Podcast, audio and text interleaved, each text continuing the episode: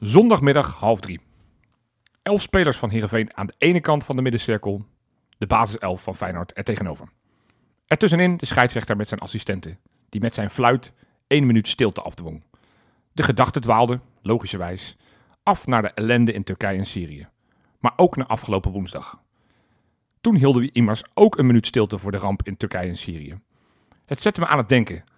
Bestaat er een protocol voor hoe vaak en wanneer je een minuut stilte houdt? En begrijp me niet verkeerd, voor rampen van deze omvang zijn zelfs 90 minuten stilte nog te weinig. Maar soms volg ik het niet helemaal meer. Dat we stilstonden bij overleden clubiconen als Wim Jansen, Cor van Grijp en Hans Kruijs senior snappen we allemaal. Dat we ook collectief stil waren voor het overlijden van de vader van toenmalige hoofdtrainer Ronald Koeman, de vrouw van keeperstrainer Patrick Lodewijks en de dochter van Alfred Scheuder is ook nog te begrijpelijk. Maar of het nu echt nodig was om de oprichter van de Nederlandse Spelersvakbond, Pelé of Queen Elizabeth in een Nederlands voetbalstadion te eren, vraag ik me af. Waar trek je de grens? Ik weet het oprecht niet. Ik wil echter wel een suggestie doen. Iedere overleden persoon die ooit uitkwam voor Feyenoord 1 verdient een minuut stilte. Of rouwbanden voor mijn part. Maar in ieder geval even wat aandacht. Zo ook Volkan Karaman. De talentvolle middenvelder kwam in 1997 op 15-jarige leeftijd over van Austria Wien. Twee jaar later maakte hij in de uitwedstrijd tegen de Graafschap zijn debuut in onze hoofdmacht toen hij 11 minuten voor tijd in mocht vallen voor Pablo Sanchez. Dat zou zijn inbreng voor Feyenoord 1 ook blijven. Via Excelsior, Turkije en Griekenland keerde hij weer terug naar zijn thuisland Oostenrijk, waar hij uiteindelijk in 2014 met voetbalpensioen zou gaan. Erg lang heeft hij er niet van kunnen genieten. Vorige week is de Turkse Oostenrijker op klaarlichte dag doodgeschoten. Ouder dan 43 mocht hij helaas niet worden.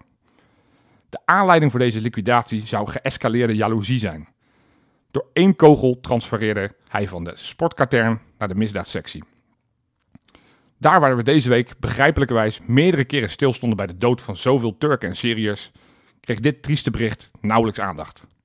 Geen minuut stilte, geen rouwbanden, nee, zelfs geen klein berichtje op de kanalen van Feyenoord zelf. Kwalijk. Wij, supporters, staan er wel graag even bij stil. Volkan, bedankt voor alles en rust zacht. Dat is de aftrap van een gloedje nieuwe Kangeloel die ik maak met mijn vrienden Rob Ja, Jopie. en Duivie. Hallo, daar zijn we weer. Daar zijn we weer. Ja, Ja, dat was zo'n zo speler die ik eh, qua naam wel weet, maar eigenlijk weinig meer kon herinneren. Het waren mijn eerste jaren dat ik Feyenoord echt ging volgen. wat op zich ook wel logisch is. Als je wel geteld tot 11 Nou ja. minuten eh, eh, spelen komt, dan kan ik me voorstellen dat je niet meteen nu uit kan leggen wat zijn kwaliteiten waren Dat en is de- waar hij in uitblonk. Dat is de verklaring. Want in welke jaren heeft hij gespeeld voor Feyenoord? Nou ja, Ja. 97 en daarna Oh, is hij naar Excelsior. 97? Ja, hij heeft, eh, toen zat hij bij de selectie en daar vanuit de jeugd, want hij is op 15 jaar leeftijd natuurlijk gekomen. Toen is hij verhuurd aan Excelsior en daarna is hij uiteindelijk, nou ja, via omwegen is hij al heel snel in Oostenrijk. Drie, drievoudig Oostenrijks international. Dus het was wel een speler die in ieder geval wat kon. Ja. Ja. Ja, weet je wat grappig is? Toen, eh want, want ik heb het natuurlijk, ik moest even lezen, wie was dat nou ook alweer? En toen had je, ik, ik zat wel later te denken, als je toen al transfermarkt en dat soort platforms had, of, of zo'n Feyenoord TM die dit soort dingen had, had gelekt, waren we waarschijnlijk helemaal hyped geworden. Van Toen- een talent van 15 die vanuit Austria Zo, naar Feyenoord zou toch gaan. talent, Ja, weet ja, je wel? Ja. En dan 11 minuutjes, dat is toch karig.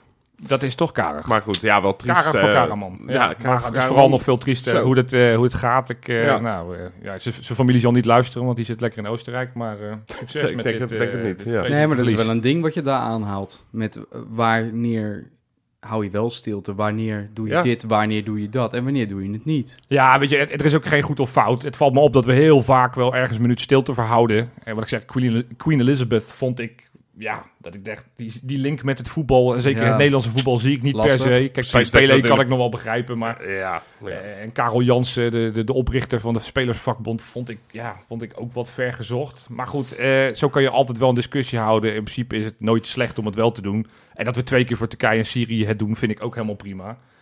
Om dan toch meteen die, die, die, die koppeling te maken naar die wedstrijd. Ik vond het wel opvallend dat Heerenveen het beleid had dat ze echt zo lang mogelijk stil moesten zijn.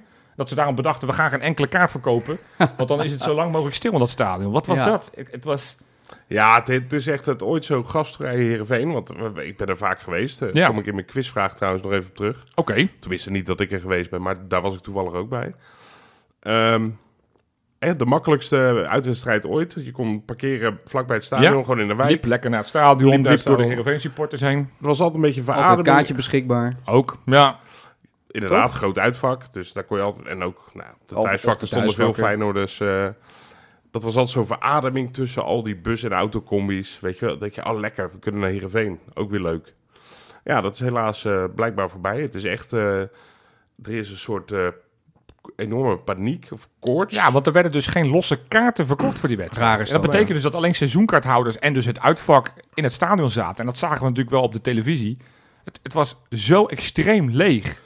Ja, en je hebt ook jezelf daar enorm Ja, mee dat- als Heerenveen zijn. dat- en dat begrijp ik niet. En zeker in een week waarin we gekoppeld weer zijn aan Heerenveen voor een uitwedstrijd En voor ik de geloof beker. niet dat wij als Feyenoorders daar nou ongelooflijk veel problemen mee hebben met Heerenveen. Totaal niet. of- Nee, nul. Maar dat- totaal nul. niet. Dat, dat is maar zo'n burgemeester die reageert dan denk ik oververhit dat er een keer iets gebeurd is. En Nou dat ja. hij zegt, ik kan dit niet verantwoorden richting... De, terwijl ik denk, maak het niet zo groot. En Nee. er zijn misschien wat Ja, incidentjes. en kijk eens naar wanneer het wel goed is gegaan. Dat is nog steeds Altijd, groter. Dat is nog steeds meer. weet, Het is echt nog altijd nooit goed gegaan in noemenswaardigs gebeurd. En- en Heerenveen is een van de, hè, van- uit Feyenoord oogpunt, een van de liefste club, eh, clubjes die er zijn. Ja, Snap zeker. je? Nee, dus, dus nou wat ik zeg, ik denk dat deze discussie, dat we dat ook nog een keer gaan voeren richting die bekerwedstrijd. Want Ja. want daar zijn we weer aan ze gekoppeld, dus we mogen binnenkort weer die kant op. Ik, wil wel, ik weet niet of dit ooit een item wordt voor, eh, in, in de podcast. Dat zou zomaar eens kunnen.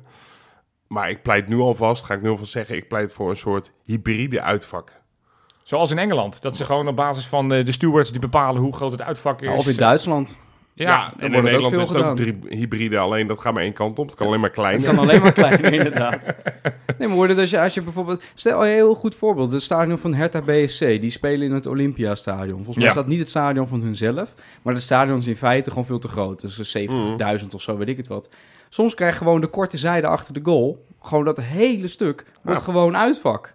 Maar Dat, dat, is was toch, gigantisch. Er staan gewoon 10, 15.000 uitsupporters mee. En dat gaat eigenlijk altijd goed. dat was toch feit- feitelijk vorig jaar ook zo, toen Feyenoord gekoppeld was aan, eh, aan Union Berlin. Dat Ja. ze ook in dat stadion, dat we ook Ja. extreem veel kaarten Ja. kregen, omdat ze dachten, ja... weet Maar je, zo, anders- eh, dat, dat is eigenlijk wel waar, waar we naartoe moeten. Want dat Ja. zag ik ook bijvoorbeeld FRFC, die, eh die tweette dat ook, geloof ik. Van, goh, ja, weet je, als, als jullie toch die shit niet verkopen, geef ons dan die hele korte zijde. voor hun ook interessant, want dan kunnen ze in ieder geval wat meer inkomen krijgen uit losse Nou ja, kaarten. Maar goed, dat is... Ja. Ja, bijvoorbeeld. Hier- de- de- We gaan met alle liefde gaan we het uitleggen aan de burgemeester van. Heerenveen. Want dit, dit is sneu, want die wedstrijd Ja. verdiende gewoon een vol stadion. Tuurlijk. Want Het was... Heerenveen verdient een vol stadion. Nou, precies, precies. een Want sympathieke club. het was, het was een interessante wedstrijd. Want, want laten we nu het sportieve er maar bij pakken. Ja.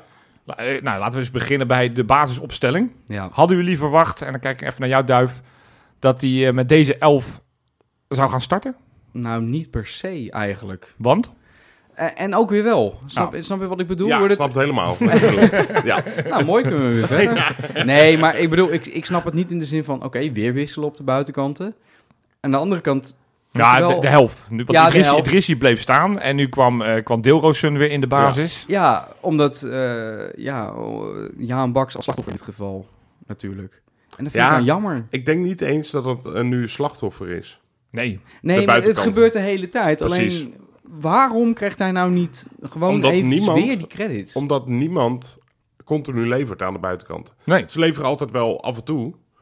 Dus de kans dat je, als je, wat het gebeurt steeds natuurlijk, dat de twee aan de buitenkant ook weer Tuurlijk. vervangen worden. Dus dan Tuurlijk. heb je vier buitenspelers. Ja, de kans, soms vijf als Wallenmarkt er ook nog in komt. De kans dat een van die vijf wel levert is natuurlijk heel groot. En het gebeurt tot nu toe ook steeds. Ja. Vaak als invallers. Nou, dit keer was het toevallig de invallers net even niet. Nee, dat Dus is ja, wel een beetje jammer. Nou, maar Ik heb ooit eens gepleit voor, hè, net voor de winterstop geloof ik. Ja, het enige wat ik echt zou willen, waar kunnen we nou aan sleutelen, was jouw vraag volgens mij. Nu we zo'n lange break hebben. Nou, vastigheid op de buitenkant. La- laat de gast eens vier, vijf wedstrijden staan. Nou, daar ben ik helemaal Ja. op teruggekomen. En dat gebeurt ook niet. Nee, maar daar ben ik ook op teruggekomen, omdat ik ook denk... Ja, ik, ik ben een slotaanbidder, dus ik, ik geloof dat hij het allemaal met een reden doet. Maar ik, ik, ik... We hebben ook de luxe nu niet om dat uit te gaan proberen. Laten we eerlijk je zijn. hebt geen zekerheidje, nog Nee. steeds niet. En we, je hoopt dan dat, dat Ali Reza doorpakt en het, en het wordt, of Deelroosun Jammer na, dat, na zijn goede, Ali goede inval. Maar we- daarom, omdat hij zoveel rouleert, vond ik het wel opvallend dat Idrissi, die 120 minuten in de benen Ja, had tegen ja, NEC, dat dat, vond ik wel- hij wel een basisplaats ja, en die kreeg. liep op een gegeven moment liep hij ook als, een- als een houten klaas. liep hij. Ik denk, oh god, die moet gewoon twee weken bijkomen of zo. En, Ja. en, nu, en nu staat hij gewoon basis. Nou ja, Prima hoor, verder. Maar ik Kijk, bedoel... ik denk uiteindelijk dat als je gewoon heel eerlijk naar die buitenspelers kijkt, en we moeten niet elke week een buitenspelerdiscussie gaan krijgen, denk ik dat op dit moment Deelrozen op rechts en aan de linkerkant eh Idrissi de beste spelers zijn die het meest constant leveren. En dat is ook niet altijd goed, want dat is nog Nee. best wel vaak dat je denkt, ja. Pashao. Ja, maar ja, Pashao, laten we, laten Pashao we het over de invallers hebben. Die, die, die komt er weer in en dat is volgens mij de vierde keer dat die, dat die vroegtijdig gewisseld moet worden. Ja, want gelukkig valt het mee. Maar Ja, ja, het maar is dat is- toch weer een wissel. Hij is weer, komt erin, hup, en gaat er weer uit. Heb je gezien met eh, het interview met Slot Nee? Na afloop? Wat zei hij? Het ging natuurlijk ook over, eh, nou, er werd de vraag gesteld, joh, hoe denk je dat Ja. met Pashao gaat? Want wij dachten van, eh oeh, het ziet er niet lekker uit. En hij, ja, ik weet niet of het zo is. Ik interpreteerde gewoon zijn eh, gezichtsuitdrukking. Maar hij had een beetje een soort glimlach. Hij zei, nou ja, weet je, de medische staf, die denkt dat het wel meevalt. en hij lachte, er, weer. hij lachte er dus bij van, ja, Pashao hoeft zich, moet zich ook niet per se aanstellen. Weet je wel, Ja. zoiets. Ja, maar dat idee kreeg ik een beetje bij. Ik begin me er wel aan te ik storen. Ik begin me er wel Ja. aan te storen. Want ah ja, hij, ging er, hij werd door twee ver- verzorgers werd hij van het veld afgetrokken. Ik denk, nou, dat, dat ziet er wel echt serieus Ja, uit. Het, zag ook lelijk uit rolstoel op die maar klaar. enkel. Ik dacht die enkel dat die inderdaad klapte. Dus ik denk, nou, dan gaan we. Een paar weken zijn we die kwijt. Dan inderdaad zijn de berichten een dag later al. van, Nou, hij is gewoon weer fit. En hij gaat waarschijnlijk aanstaande zaterdag tegen AZ gaat hij er gewoon weer bij zijn. ja. Ja, en dan denk je ook, waar heb ik net naar zitten kijken? Ja, nou, ik geloof niet dat het toneel is. Maar we zitten, Nee, nu, we zitten nu, gelukkig zitten we in, in de fase dat we vijf keer mogen wisselen. Er is weer een kans dat we teruggaan naar drie. Ja, dan kan je Pashao dus nooit opstellen. Wanneer gaan we naar drie? Waarom zouden Nou we ja, naar drie omdat het nu tijdens voor corona is, die vijf wisselen Nee, mogelijk. maar het eh, beviel wel, toch? Dus, dus ik volgens mij denk dat daarom het, drie er is een kans, want die grote clubs willen het. Dus ik denk dat het ook wel een kans is dat het blijft. Maar stel dat we terug gaan naar drie, kan je Pashao nooit meer opstellen. Nee. Nee, dat is waar. Ja, niet Dat- in dat- deze... Dan, dan breng je hem in en dan, oh kut. We moeten hem of het psychisch, dat hij denkt, ja, nu, nu weet je, we dat, kunnen niet dat meer die enkel het wisselen. ineens wel doet. Ja, nee, maar wat jij zegt klopt een beetje. Hij doet het waarschijnlijk niet expres, Jopie. Nee, natuurlijk niet. Nee. En het is eh, misschien ook niet echt theater. Alleen, hij mag af en toe wel iets meer man, dat is wel nodig. Als je dan toch hebt over die Hansko flankspelers. heeft toch een beetje hetzelfde probleem. Dat hij ook een beetje af en toe... In, nee, maar hij schiet af en toe in zo'n, in zo'n stresssituatie van... Oh, ik heb er ooit een keer een blessure gehad. En volgens mij hebben we het hier wel eens over gehad trouwens. Ja. Maar hoor je dat, weet je, oh, weet je wel, oeh, misschien is het wel erg. Of weet ik het wat, en dan blijkt het allemaal wel mee te vallen. Misschien heeft Pashao dat ook wel een beetje. Ja, Kan dat dat? Zou, ja, nou ja, goed, bij Hansco vind ik het allemaal wel meevallen. Want volgens mij heeft hij nog geen minuut gemist vanwege blessurepuntje bepaald. Hij is die ene keer die Nee, wedstrijd maar af ging, en toe ging dan hij eraf neer en dan denk ja. je zo, nou... Je hebt wel eh, periodes gehad dat hij in de wedstrijd dat hij neerkwam of, of strompelde. En je dacht, oeh, dit gaat Het was nu er deze wedstrijd ook dit- weer dit zo. kan Dat wel op een gegeven even moment een beetje liep, te- liep te trekken benen. En ik dacht, oh nee, nee. Maar goed, uiteindelijk speelt hij gewoon weer uit. Want hij heeft natuurlijk afgelopen week ook die 120 minuten in de benen gehad Ja. tegen NEC. Ja, joh. Zoals wel meerdere Dat spelers. vergaat wel een beetje snel, vond ik, op, eh, in de reacties na afloop. Hoe bedoel je? Nou ja, veel van, oh, het is weer moeizaam en kan dat nou nooit, is normaal. En Ja. terwijl ik denk, ja, je moet even deze wedstrijd in perspectief zien. We hebben inderdaad 120 minuten tegen NEC, ook totaal nodig. Maar daar hebben de jongens het eh, vorige week over gehad. Plus je zit ook met je 120 hoofd in... minuten, eh, Echt, weet je wel, zo'n gast als. Kukshoe, alles gespeeld. Ja. Terwijl die voor PSV al, eh, bij de warming-up, dat we dachten, oeh, hopelijk haalt hij het. En hopelijk kan hij Ja. in ieder geval beginnen, of anders invallen. Idrissi pas weer terug van de blessure. Idrissi, Weet je, dus het is inderdaad eh, eh, nou, super knap dat je na zo'n dit is gewoon een Zo'n uitputtingsslag. jongen. Ja. Tuurlijk. ook emotioneel, hè, van eh, uitgeschakeld, toch weer meedoen, verlenging, klote Dus- verlenging, uiteindelijk nog die penalties, penalties winnen. Eh, dat, dat je dan toch na zo'n wedstrijd, want het, het was niet goed. Dit was een van de minste wedstrijden van Feyenoord. Maar je moet het eigenlijk een beetje zien zoals een Europese wedstrijd, dat je na zo'n zo'n zo'n wedstrijd het weekend daarna, Dat maakt echt geen reet uit hoe. dan ben je vaak ook niet op je scherpst. En je merkt het, ik vond het met name bij Kukcu. Ja. Het is, die, die is normaal gesproken, die gaat voorop in de strijd. Maar ik vond het exemplarisch bij die kans die hij op een gegeven moment krijgt in de Ja. 16. Dat hij normaal Ja. gesproken schiet hij. En nu probeert hij hem Ja, nog drie, drie keer vast goed te leggen en te passeren. En dan denk je, ja, normaal gesproken ramt hij is een Ja. goal. En nu, nu ging hij goochelen met die bal, waardoor je die kans verprutst. Slot vond dat eh Jiménez hem te hard inspeelde. Terwijl ik dacht, nou, voor mij eh, halen, of hij uit te halen had volgens mij gewoon in één keer best wel gekund. Maar- Tuurlijk, man. Zeker, Zeker met zijn zeker traptechniek en zeker ja. in zijn vorm. Want, Want dat zal niet de eerste keer zijn dat hij zoiets doet. Nee, Nee. sterker Maar hij heb- lijkt ze beter te Ja. raken van buiten de 16 van binnen. Ik heb ook wel genoten hoor, de eerste helft. Tweede helft niet. Ja, Ja, van de vechtlust. ja, na, na, je bedoelt na de afgekeurde goal. Ja, Ja, ja, ja. Want daarvoor zo, was het, wel eh, wederom weer tenenknarsen. Of uh, tandenknarsen. Jopie is weer. Tenen knijpen. Lekker man. Tenenknarsen. Excuus.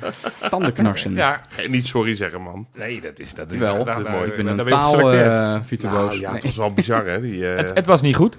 En dat is, Ik schrok me dood. Echt. Ik was echt bang. Ik was sowieso bang van tevoren. nou, maar dit was, dit was wel een weekend. Daar was je echt bang van tevoren.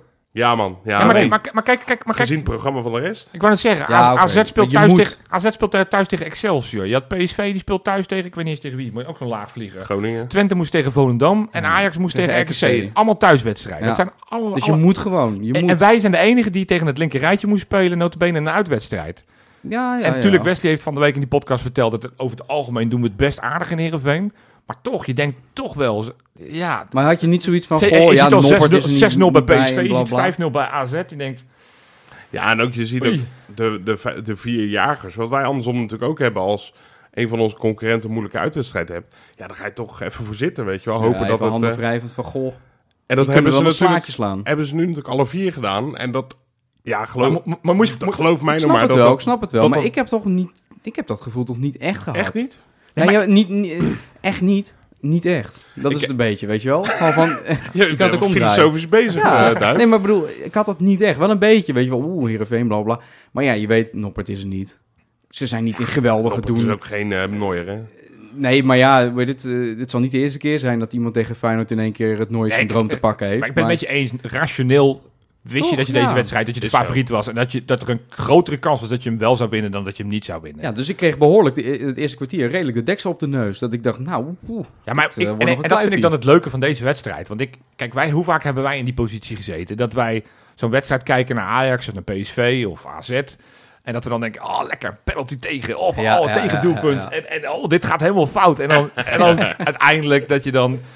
Ik, de, de, de, de mentale kracht die je nu ook weer etaleert richting Eindhoven, richting Alkmaar, richting Amsterdam en zelfs een klein beetje richting SGD. Van, kom op. de eerste kwartier was waardeloos, was slecht. Weet je, je hebt inderdaad een beetje geluk dat je niet achterkomt. Vervolgens maak je die goal. En daarna ben je heer en meester in die eerste helft. De tweede helft gaat het heel veel minder. Ja. Maar, maar we doen, het wordt ook een beetje in de media gedaan alsof we 45 minuten met onze rug tegen de eigen goal stonden. En dat we de ene kans en de andere kans Ja. tegen kregen. Dat viel echt wel mee. Feyenoord wint minimaal van Heerenveen. Nou ja, ik dacht, dat ja, klopt. op papier wel. Papier wel. Maar als je het wedstrijdbeeld ziet... Want als Feyenoord scherper is, Ik als die wissels beter, een, een, een aanvallend en verdedigend hebben ze heel veel werk gedaan. Maar aanvallend, zoveel verkeerde keuzes, weet je wel. Dat ze moesten Ja. pasen of moesten, moesten schieten als ze moesten... We hadden echt genoeg eh, momenten om eh, 0-3 te maken. Zeker. En dan is het gewoon echt klaar. Exact, Zeker. exact. En dat is het enige wat je achteraf kan zeggen. Van dat hadden we in de eerste helft hadden we dat al moeten doen. Hebben bijvoorbeeld die kans van Timber. Ja, Ja, speelde, die speelde slecht, zeg. Godsie mijne. Oh. Echt Jammer was dat, zeg. Ja, ik, ik, ik, nou ja, ik vind hem niet zijn beste positie. Aanvallende middenvelder. Dat, daar gaat hij uiteindelijk denk ik ook niet het Nee, van zijn maar- wedstrijden spelen als Feyenoord. Maar Je mag er wel meer mee doen natuurlijk. het, het, het valt me nog niet altijd Ik even vind het mee. jammer dat zo'n Boujoude helemaal niet... Dat vind ik af en toe vreemd bij slot. Weet je Ja. wel, Boujoude is zo iemand die er af en toe ineens bij komt... en dan- dan 20 minuutjes krijgt of zo. Denk je, nou, lekker. Ja. Hij hoort er nog bij. En dan zo'n wedstrijd als vandaag... wat best wel een rustige tien had kunnen gebruiken aan de bal... of een creatieve. Ja, ik, Je krijgt er geen minuut. Ja, best wel opvallend eerlijk Ik, gezegd. ik, vond, ik, ik, heb maandagavond eh eh, F- eh, Feyenoord TV gekeken. Daar was Rory de Groot. Die liet een aantal dingen zien. Wat, wat, wat met name die aanvallers zo goed deden. En dat was me in de wedstrijd niet per se opgevallen. Dus eh, credits naar Rory de Groot. Die liet gewoon vooral zien hoe die, die voorste vier, die allemaal gewisseld werden. Danilo, eh Paixão toen hij nog fit was. eh eh Ali Reza Jaanbaks en eh eh Tabouni als aanvallende middenvelder. ja. Hoe die er op een gegeven moment inkwamen en alleen maar bezig waren met die paaslijn eruit halen. Alleen maar druk zetten op hun verdediging, zodat ze uiteindelijk niet konden voetballen. Ja. Ja. Dat heeft, want Slot was ook best wel enthousiast over de teamprestatie van die vier voorwaartsen. Terwijl in balbezit was het niet zo goed. Nee, dat vond ik Was wel... echt slordig zelfs. Eh, maar maar verdedigend hebben ze wel hun werk geleverd. En, en, dat, en, en ik denk misschien dat bijvoorbeeld een Tabouni dat net wat beter beheerst dan Boujoude. Waarom die in dit geval voor Tabouni koos. Want ik vond het ook. Ik denk, ja, geef Boujoude nou een kans. Maar Ja. Misschien Ah, dat hij dat dat net wat minder goed beheerst nog. Nou, ik, ik- dat vond ik wel leuk van Slot. Want dan had hij uiteindelijk wel gelijk in. Wij kijken natuurlijk alleen maar naar kansen en die je dan niet afmaakt. Of goede paas die je niet vindt. Ja. Maar hij zei inderdaad, er is, iedereen is ingevallen voor het team en niet voor zichzelf. Ja. Nou, vind ik Eén wel moment- een prettige gedachte. Ja. Ja, ja, dat is zeker. Eén moment trouwens wel. Nou, Danilo, die ging schieten. Ja, Ja, 4 tegen 3. Dat die, ja, maar dat, dat was zo'n moment waar je... Dan, want volgens mij daar stond had Kutsu hem wel mogen schieten bijvoorbeeld. Ja, Eigenlijk, eigenlijk ook niet. Alleen weet je bij hem Ah. dat hij... Maar ik, het was geen slecht schot. Het is echt een half was- metertje naast de paal. Nee, Dus- maar, maar je moet... eigenlijk moet je dat beter uitspelen. Hij moet gewoon zitten als je schiet. Eens, eens. En, eens. en mag ik wederom weer even een lans breken voor Santiago Ja, Jiménez. hè, Zeker, Natuurlijk. ja. Gewoon, wat een goal. Meer Ja. niet te zeggen, toch? Of wel? Nee, ik, Nee, wel. Goed gezien van Hartman trouwens, dat daar ruimte was bij eh Hartman trouwens, Wiever, Wiever, geloof ik. Wiever, ja. Hartman En Wiever die gaf hem aan, aan, aan, aan, aan, aan Jiménez. Ik denk, hmm, hmm, misschien gaat hij weer eh, dwarrelen, bla bla. Nee hoor, meneer draait open en schiet hem zo. Hop, met dat linkervoetje. Hup, die linkerhoek in. Fantastisch. ja, het, goed. Echt begint- hij begint nu wel te, te, te, te, te knallen. Het is Ja, elke en, week... eh, jammer eh, dat hij dus, dat hij dus eh, gewisseld werd. Maar ik snap het wel, want wordt het, waarschijnlijk was hij moe hè, Ja. door, door NEC. Begrijpelijk. Maar hij is daar ook weer heel erg in, mee bezig. Hè? Dat, dat las ik. Ja, maar dat, ja, ja, ja, hij had een leuk... Eindelijk, weet je wel, zo vaak komt hij niet in eh, interviewtjes. Nee. Had een interviewtje en eh, daarin zei hij ook dat hij, eh, nou ja, wat iedereen zegt, hè, wat, zeker als je uit een ander continent komt, dat je even moet wennen. Plus Maar- Engels, hè? En in het Ja. Engels. dat deed hij Ook al leuk. Wel. Dat deed hij al wel, maar ik denk dat het nu nog wat beter is. Dat Ja. meer Engelse Nee, maar dat vind ik goed dat mensen zich echt aanpassen. Maar dat hij echt, en dat, dat vind ik dan wel cool, weet je wel. Je hoort in, in Europa wel eens wel, het is maar de eredivisie. Maar hij zegt ook eh, blijkbaar naar thuisfront toe, of tegen andere spelers. Weet je, Europa is echt wat anders. Ja, En want, hoe, want hij moet gewoon meer... wat je daar als aanvaller moet doen. Hij zei, je Ja. bent, hij zei you are the first defender. En Ja. dat is wel echt slot natuurlijk. dat is wel slot. Dat, is Ja. niet bij elke, tra- dat is niet bij elke En trainer dat vind zo. ik echt tof. Hij, weet je, een paar maanden geleden werd hij, was hij derde, Derde, na keus. Pashao en, eh, en Danilo, ja. Ja, want bij ja, Cruz dat- Azul kon hij gewoon voorin blijven staan. Dan kreeg hij een balletje dit en dat, Precies. dan schoot hij hem af en toe erin. Of hij Ja. knikte hem erin. Ja. Maar hier niet, hier moet je gewoon werken en mee Ja, terug. En het feit dat En hij dan begint hij te leren. zeker, want een paar maanden geleden, derde keus. Juist. Dat is wel heel kort Heel kort, heel kort. Maar het was wel, denk ik, een heel bewust signaal ook van slot. Jiménez moet harder Ja. werken. Ja. Maar als je nu ziet, die goal was eh, fantastisch, heel goed afgemaakt. Maar ook gewoon, Nou wordt conditioneel ook steeds hij, beter. hij is ook zo lekker in duels. ja, het is... Weet je wel, dan denk je dat hij een bal verliest. Maar als verdediger moet je inmiddels gaan weten, je bent niet van Jiménez af. Als je hem ook Ja. niet als je de bal onderschept. ja, wat heel Dan zit hij alsnog is, achter je en pakt hij hem weer terug. wat ik persoonlijk heel prettig vind aan hem, is dat hij ook van niets iets probeert te maken. Weet je wel? Het is niet Ja. zo van hij draait weer terug en geeft hem weer terug aan Kukshu of, of naar de flanken. Nee, hij gaat eerst even kijken. Kan ik er door? Kan ik misschien, want hij kan ook nog wel redelijk dribbelen, vind ik. Ja, zeker. En, en, Ja. en hij heeft redelijk het overzicht. En dat vind ik wel prettig. Dat, dat bij hem heb je een beetje dat onvoorspelbare Ja. erin zitten. En dat vind ik heel prettig. Plus, wat ik ook heel vaak vergeet, en dat had ik nu weer.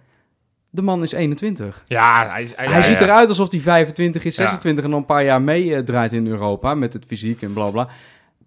En dan zie je hem weer zitten, weet je wel, bij zo'n interview. En denk je, ah ja, inderdaad, dat is om 21. Ja, dit is, dit is echt een leuke top. speler waar we nog veel heel veel plezier aan gaan Je hebt beleven. echt wel een beetje goud in handen. Was, was hij voor jullie de, de man van de wedstrijd? Mm, Ik word wel het meest enthousiast van hem. Maar eh, ehm, nou, eigenlijk noemde Duif eh, voor mij net in die Hartman. aanval... zaten wat mij betreft de drie beste. Oké. Ja, al- alhoewel Nou, Geertruida, toch? Ook weer helemaal goed. Helemaal goed. leuk Ja, dat hij een goal heeft gemaakt trouwens. Even tussen. Uit een dode spelmoment. Want Ja, eh, ja, ja, ja. dat, ja. daar hebben we 24.000 corners voor moeten, moeten dit, wachten. maar het, wa- het was, het was nou ja, Hansko op het koppie. En, en vervolgens eh, onze grote vriend Gertruida die hem bijna nog over, overschopt. Ja, scheelde niet Ah, veel. hij zat, hey. Dus Dak van het doel. Maar ik, ik, Gertruida speelde wederom goed. Ja. Eh, maar eh, eh, Wiever vond ik echt Wiever is echt... Uitstekend. Ja, ik, Ja, ver- ik vergeet Tegen NEC was hij veel minder. En nu herpakt hij zich toch weer. En dat vind ik erg goed. Ja, en ik, ik vind ook Hansko, want wat ik, ik, ik heb die samenvatting even terug zitten kijken. Begin, kijk, Heerenveen heeft die, die eerste kans die overigens in al die samenvattingen werd, ge- werd genoemd. Van kijk eens hoe groot. Dat was gewoon twee meter buitenspel. Dus dat was sowieso die kans die je van Hooijdonk overschiet, weet Ja, je wel. Dat, ja. die, die al sowieso afgekeurd geweest. Maar die actie op een gegeven moment van Hooijdonk één op één op de keeper afgaat en dat hij hem aflegt. Ja, Moet je terugkijken en die actie van Hansko. Want Hansko die, die loopt de hele tijd mee richting van Hooijdonk. En die denkt op het laatste moment, hij gaat hem echt niet schieten. Waardoor hij drie stappen naar rechts doet. Waardoor hij eigenlijk zo die bal onderschept die van Hooijdonk af wil is het geven. wel echt een hè? slimme Die- dat gozer, is hè, die Hamsko. zo slim. is echt een En dat, slimme is dat, gast. dat vernuft van die gozer. Ik, ik, elke week word ik meer verliefd op hem. en Hij wat ik ook heel goed. knap vind aan hem is dat hij sinds Trauner geblesseerd is, toch meer de Trauner-rol heeft aangenomen. Want weet het, eh, Trauner is natuurlijk niet zo snel, maar staat positioneel supergoed. Ja. Ja. En Hansko was degene met de paas, met, eh, de dri- met, de, met de mogelijke dribbel naar het middenveld en ook snelheid. ja. Maar ja, nu is het andersom, want Geertruida is weer nog een stukje sneller en moet hij juist goed gepositioneerd staan, zodat Geertruida kan lopen, bla bla. Eh, Daar hoor ik eigenlijk niemand over, maar die rol heeft hij fantastisch op Ja, zich genomen. ja. Echt waanzinnig. Nee, maar dat... Goed ja. hè? Dus die, ja, dat zijn wel mooie, Mooie lichtpuntjes van een verder moeilijke wedstrijd, die we dus gewonnen hebben. Maar dat had niet veel geschild. Al dus.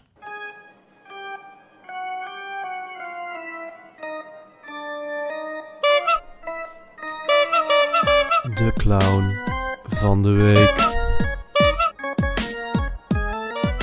Ja, de clown van de week, jongens. Ik, eh, ik, ik heb weer alles eh, zitten kijken, zitten lezen. Ik zag Kenneth Perez, die had het weer, eh, eh, dat, het, dat Feyenoord, eh, en trouwens zei het bij Studio Voetbal ook, dat Feyenoord het op momenteel mee heeft zitten met de scheidsrechter. Het is echt Dat vind ik al bijzonder, want nogmaals, buitenspel, ook al is het drie centimeter, is wel buitenspel. En dan kan je Zeker. het daarover gaan lopen vallen, maar dit was buitenspel. En ik Ja, hoor ze dan niet over de een scheidsrechter echt niet mee hoor. ik hoor, ik hoor ze niet over een vermeende hensbal. Want die bal ging echt wel tegen de hand van Van Ewijk. Die overigens echt een goede wedstrijd speelde. En Ja. ik Ja. best wel interessant Goed zou vinden voor Feyenoord. Ehm, maar goed, daar hoor je ze niet over. Maar het was buitenspel. Ja, weet je. klaar. Maar- Geen discussie mogelijk. Maar de clown van de week deze week. En, en hij solliciteert al weken. Dus, dus het is, dit is zijn Maar moment. dit keer was druppel. heel erg aangenomen. Dit is, dit, is zijn, dit is zijn moment. Maarten Wijfels, eh, verslaggever van het AD. Die, eh, die had een tweet. Die heeft hij daarna ook weer verwijderd. Echt waar? Ja, die heeft hij weer Is die weggehaald? Ja, die heeft hij weggehaald. Maar hij heeft er ook zelf heel veel Nee, daarna heeft hij er nog. Maar goed, hij had. Oh, ja, eh, ja. eh, de tweet die was: Feyenoord ontsnapt voor de derde wedstrijd op rij aan een 2-0 achterstand. En nu komt de VAR weer mierenneuken bij de echte 1-0, echte 1-0 voor Heerenveen. Dit, dat echte 1-0, echte 1-0 stond in zijn tweet. Dat twee keer. Dus misschien dat hij daarom verwijderd heeft. Maar er zit er zoveel onzin in deze tweet alleen al. Nou, zeg het wel, ja. Dat we ontsnapt zijn aan een 2-0 achterstand. Dan moet je überhaupt eerst de 1-0 maken. Ja. Ja, Ja, en als dat buiten precies. spel is, dan gaat het feest niet door. Dus, dus waar hij die 2-0 vandaan haalt, vind ik al interessant. Hij zal waarschijnlijk doelen op die kansen van, van Hooijdonk. Maar goed, nogmaals, dat was Ja, buitenspel. dat was dus ook helemaal dat buitenspel. Telt, dat telt niet mee. Eh, nou, uiteindelijk heeft hij daarna een andere tweet gezet. Hey, die zegt, het had 2-0 kunnen slash moeten staan. Nu is 0-2 en is de wedstrijd beslist. Had hij gaandeweg de wedstrijd. Ja, dat is ook lekker makkelijk. Want je zag ook, dat is niet waar. Want zij maken een tegengoal. Overigens een schitterende goal. Jezus, Ja. Mina. En de wedstrijd lijkt in, toch een beetje hun kant op te gaan. Want het had ook zomaar 2-2 kunnen zijn zonder dat ze grote kansen hebben Ja. gehad. Maar zij hadden wel op dat moment meer overwicht. Dus ook dit klopt al niet dat het dan beslist was met een 0-2. Kortom, Maarten Wijfels, ik vind dat je een week lang je pen neer moet leggen. Gewoon Ja. stoppen met schrijven, want Gaat niet gebeuren. dit is... Ja, maar dit, wat, wat is van geneuzel. Ge, geluk met die Ja, scheidsrechter. maar het, het is sowieso... De, de- het, het gaat... Feyenoord staat eh, ook in februari nog bovenaan. ja. Dat had men waarschijnlijk allemaal niet meer verwacht. Nee. Dat dat dus ging het ligt gebeuren aan de met, met ons programma. Nee, nee, nee. Maar op een gegeven moment merk je gewoon... dat mensen gaan Feyenoord irritant vinden. Ja. Verslaggevers, want Leo Driessen, ja, die, die deed commentaar bij eh Ajax XC. Nou, die was ongeveer... eh, ik denk dat hij op een gemiddelde begrafenis opgewekter is bij Ja. een goal. Ja. Die Ja, maar maar hebben je werk gewoon. En nu ook inderdaad, eh, Maar- maar- eh, ook, ook bij Studio Voetbal, dat, dat het ons heel Ja, maar- erg meezit. Nee, maar ook... Terwijl moet je, moet je even die weken ervoor bij Twente uit bijvoorbeeld Ja. even Maar meepakken. sowieso, ik vind het de laatste tijd veel te veel gaan over die scheidsrechter. Nog wel of niet mee hebben, bla bla het- het Ik is, word er helemaal zuur Want van. ook die, die, die, die, die happy boy van Studio Voetbal, die presentator, die altijd zo Sjoerd blij. Ja, die, die elke week opent die. Feyenoord staat nog steeds op de eerste plaats. Alsof Ja, het dat een is soort van... godswonder. Alsof, het- dat, dat, wat is dat voor Echt gaars? water zien branden. Het is een godswonder. Fijn staat bovenaan. Ja, Ja, nou, we hebben dus- het meeste gewonnen, klaar. Nou, uiteindelijk doen we dus wederom wat we elke week doen. We hebben eigenlijk gewoon 24 clowns weer wederom te pakken. Ja, maar, maar, maar- nee, de- maar deze week is, is Wijfels toch wel de echte... En ik moet zeggen, ik vind het lekker dat dit allemaal gebeurt. Ja, Ik vind het lekker.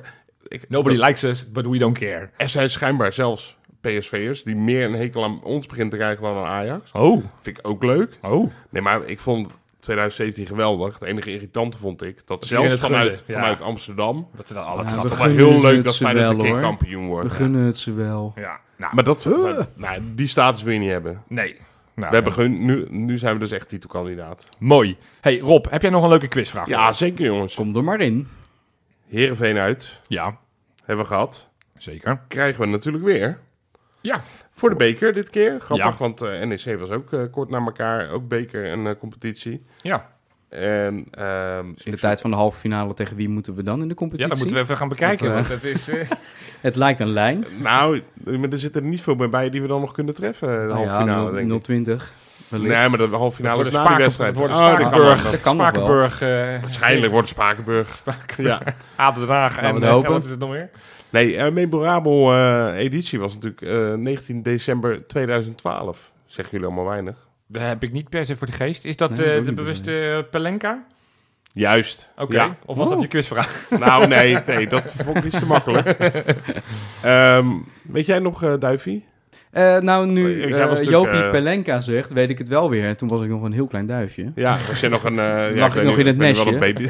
Maar eh, ik, ik, ik, kan, ik kan me wel herinneren, ja. ja, nou eh, goed. Penalties natuurlijk, dat was echt... eh, ik was heen, ik weet niet of jij er ook was, Jopie. Ik was er ook bij, ja. Ja, nou, we, we waren om eh, nou, half, Half vijf s'nachts eh, terug. ja, het was echt niet te geloven. Want de laatste minuut, eh, ik moest even opzoeken wie. Filip Djuricic, vond ik toen een geweldige speler trouwens. Ja. Die scoorde in de 90ste minuut nog 2-2, waardoor we verlenging en pingels Ja. moesten nemen. Ja. Louis Spannend, weten we wie de winnende maakte? Nog? Daryl Janmaat? Ja, heel goed. Oeh. Nou, ben ik blij dat ik die quizvraag niet gedaan heb. nou ja, de Pelenka, dus dat spreekt Ja. voor zich. Eh, we hadden wel een, eh, volgens mij een negen eh, of zeven pingels nodig. Och. Jij wil ze in de juiste zullen vol- wel gespannen Ja, zijn daar. de juiste Nee. volgorde wil jij ze graag horen. En in welke Nee, we hebben, we, hebben, we hebben tien pingels genomen. Oké. Waarvan er zeven raak gingen. Uiteindelijk was dat dus de eh, overwinning. eh, drie, die mist hem. Oh, Oh, Als je ze alle drie weet, drie punten. Twee weten, Knap. twee punten. één mist. Oké, oké. eens Welke, even over welke nadenken. drie jongens missen hem? Oké, nou, goede Eh, quizvraag. even- even kijken. einde. En ook hoe missen? Moet je dat ook zeggen? Weet je wel, gewoon echt missen missen of eh keeper houden? Nee joh, ben gek. Om nog even een extra dimensie Ja, aan te Gewoon geven. hingegeven, ik denk dat er één baken bij zit. Oké, Hmm. nou, komen we aan het einde op terug. Onrust in de RVC. Dat was de kop ongeveer vorige week in een artikel van het NRC, waarin het uitgebreid ging over nou ja, de onrust bij de Raad van Commissarissen. Vorige week hebben we het uitgebreid gehad over de onrust op directieniveau, waarin Joris van Dijk natuurlijk vrij snel ineens besloot om, eh, om met ontslag te gaan. Nou, blijkbaar op het niveau daarboven borrelt het ook. Ja. En uitge- uit- uiteraard gaan we het daar ook over hebben, want ja, wat is er nou allemaal weer aan de gang bij onze club? Want dit, dit, dit, ik werd er toch wel een beetje zagrijnig van als ik dit las. Ja, En het is ook meer de vraag van, borrelt het weer of borrelt het nog steeds? Nou ja, dat is een terechte vraag. Misschien, misschien is het goed als we even beginnen bij het begin. even beginnen even uitlichten, want niet iedereen zal het artikel het gelezen NRC hebben. En ik zal het ook proberen in Jip en Janneke taal, want het is best complex. Nou ja. Ik las het artikel, ik heb het vier keer gelezen. En aan het einde dacht ik, ja, wat lees ik nou? Ja. Kijk, Wat, eh, wat snap ik hier nou wel? van? En eh, hoe zit het nou ook alweer? Dus misschien is het gewoon goed om even toe te lichten waar Ja. het dan precies om gaat. ook, ook omdat, zeg maar, directieleden die kennen we, daar hebben de gezichten van. Ja, Ja, van en daar heb je ook portefeuilles bij, dan weet je En ook niet wat ze doen. maar niet iedereen heeft dat. Ik, je wist, Arnes is daarvoor verantwoordelijk en eh bla bla. Kloeze hiervoor. Ja, ja. Dit is een wat, dat, dat speelt nog wat meer op de achtergrond, maar is eigenlijk een soort... Ja, sorry, nou ga ik jouw werk zitten doen, Jopie. Nee, dat mag. Ja. Maar in principe is de RVC, als je het met politiek vergelijkt, voor, de, voor zover, ja. is een soort Eerste Kamer, toch? Het zijn toezichthouders. Ja, precies. En, en zij, en zij Controleren. ze controleren, maar ze zijn ook verantwoordelijk voor het aanstellen van directieleden. Ja. Nou, ik, even ik denk dat het goed is omdat we even de drie hoofdpartijen en geledingen in dit, in dit verhaal eruit lichten. Nou, de RVC, de Raad van Commissarissen, die dus eigenlijk een controlerende taak hebben. Ik ben natuurlijk heel veel in het nieuws geweest bij Ajax, omdat het niet helemaal goed ging. Omdat die op een gegeven moment eh, transfers gingen blokkeren, omdat ze het niet helemaal goed vonden. Ja, uitstekend. dat wel. Dat was wel goed. Nou, Ja, en- wel. en de naam en rugnummers in onze RVC zit Toon van Bodegem. Daar ging het hele artikel De over. Dat eigenlijk, want die heeft nu zijn eerste termijn van vier jaar gehad. Die is in 2019 gestart. Daar moest nu over gestemd worden of hij nog een termijn van vier jaar kreeg. Nou, daar gaan we het straks nog iets meer over hebben. Je hebt die Gerard Moussou, die we toen eh, hebben zien zitten toen bij het stadiondossier. die- Moussault, ja, hoe je het uitspreekt. Nou ja, eh Sinta Troost, die, eh, die zit er nog steeds. Eh, eh, En je hebt, waar die zit. en je hebt eh, Ronald Brus en Peter van der Laan. En die zitten er namens de Vrienden van Feyenoord. Ja, Dat Ja, is en de even vrienden belangrijk. van Feyenoord hebben 49% geloof ik. Hè? Om en erbij iets, iets minder inmiddels. Maar die zijn in 2010, toen het heel slecht met onze club ging, toen we in de richting een faillissement gingen, zijn zij als, eh, als ja, eigenlijk wel, welvarende partijen hebben zij gezegd, we gaan onze, onze club gaan we, gaan we helpen. Hebben ze 32 en nog een beetje miljoen hebben ze geïnvesteerd in die club. In ruil voor 49% van de aandelen. Daar is weer wat van afgelost. Daar is weer wat van teruggekocht toen we Wollemark moesten Ja. halen. Ja. Eh, dus die zijn eigenlijk ja, om en erbij voor de helft de baas van de club. Net Maar iets net minder. niet. Want de, de meerderheid zit bij de STICO. Dat is Stichting Continuïteit. Eh, En de voorzitter of de woordvoerder daarvan is een eh, oud bekende. dat is de, de oud-burgemeester, Ivo Opstelten. Ivo Opstelten, die, is, ja. eh, die is daar inderdaad de, de baas. En dan heb je er nog, nog vier andere leden. Je hebt eh, Pim Blokland, die kennen we ook allemaal. Dat is de, de, de meest prominente man die altijd vanuit, vanuit de Vrienden van Feyenoord naar voren wordt geschoven. Hans Vervat, die zijn ook alle twee vanuit die Vrienden van Feyenoord eh, naar voren geschoven. Want dat was een eis van hun. Van op het moment dat we veel geld erin pompen, willen we ook plekken in de RVC en ook plekken in die STICO. Ja, Daar komen. Begrijpelijk. En je hebt dan eh eh, ehm, Michiel Gilsing. Die is namens de supporters. Daar heb ik ooit een keer voor gestemd. Ik heb geen idee wie het was. En ik zie hem ook vanuit het legioen, hè? Vanuit het legioen. En dan ja. heb je nog eh, Dick van Wel. Eh, die ook net zoals opstelte vanuit de club. Vanuit de club, ja. En dat legioensclubje heeft 1,9 of zo, of 1,6. Nee, dat is weer een ander clubje. Dat zijn weer de, de, de wat, ja, hoe, hoe Ja, die zijn drie partijen, Je moet niet te veel met vragen aan- stellen, Duits. Nee, dat, is, maar dat zijn supporters. graag Dat zijn, begrijpen, dat zijn supporters steunen Feyenoord. Dat is Ja. ook een, een, een, een entiteit die opgericht is destijds in 2010. Waar je voor zoveel eh, euro's eh, ook... Ja, Ja, maar dat zeggen. zijn de drie partijen die überhaupt aandelen hebben, toch? Ja, als je het Ja. zo Alleen uitlegt. twee zijn grote spelers en eentje En is dus een die mini. supporters, Ja, dat is een precies. mini. Nou. Maar die hebben wel wat, die hebben wel een vinger in de pap. Ja, nou goed, dit is heel veel tekst en uitleg. Mensen denken, ja, oké, nu hebben we al die namen en die rugnummers gekregen. Allemaal interessant. Nou, waar het om gaat in dit artikel is eigenlijk dat die vrienden van Feyenoord, die dus best wel wat in de melk te brokkelen hebben, omdat Ja. ze en mensen hebben zitten bij de Stico, maar dus ook mensen in de, eh, in de, RF de RVC, die hebben eigenlijk aangegeven, wij zijn eigenlijk tegen de herbenoeming van Van Bodegom voor een nieuw periode van vier jaar. Ja. Want zij Ja. vinden, en dan hebben ze een heel artikel hebben ze overgeschreven, wat wij natuurlijk niet hebben kunnen lezen. Eh, vier pagina's lang zou het zijn. Ja, met 14, 14 vragen, punten van kritiek. Eh, wat onder meer in dat artikel van het NRC staat Nou, over... voornamelijk ook vragen. Van waarom Ja, precies. dit en dat. Precies, En- van, eh, en over het kap- veran- Ja, het zijn eigenlijk een soort van vragen, zodat de andere partijen, in dit geval van Bodegom, et cetera, kunnen zich dan verantwoorden Ja. op de 14 punten die de vrienden Ja. van Feyenoord hebben opgestuurd. En dat zijn, dat zijn punten als eh, het binnenhalen van kapitaal. Nou, daar weten we nog, toen Toon van Bodegom kwam, die, eh, die had het over die Amerikaanse investeerders. Nou, dat, daar- op En een gegeven moment leek het in heel dichtbij. 2019 had hij het daar al over. En op een gegeven moment, volgens mij 2021, denk ik, was, leek het wat dichterbij te komen. Toen Ja. heeft er volgens mij nog een keer in de pers ook iets over gezegd. Dat, ja, eh, Chris dat- Woerts die heeft ook een Ja, paar keer bevestigd. maar die- ja, Nee, ja, je kan je nu afgaan met deze kennis. Wel Wat- oud wat eh, was zijn, commercieel eh, directeur. ja, nou ja.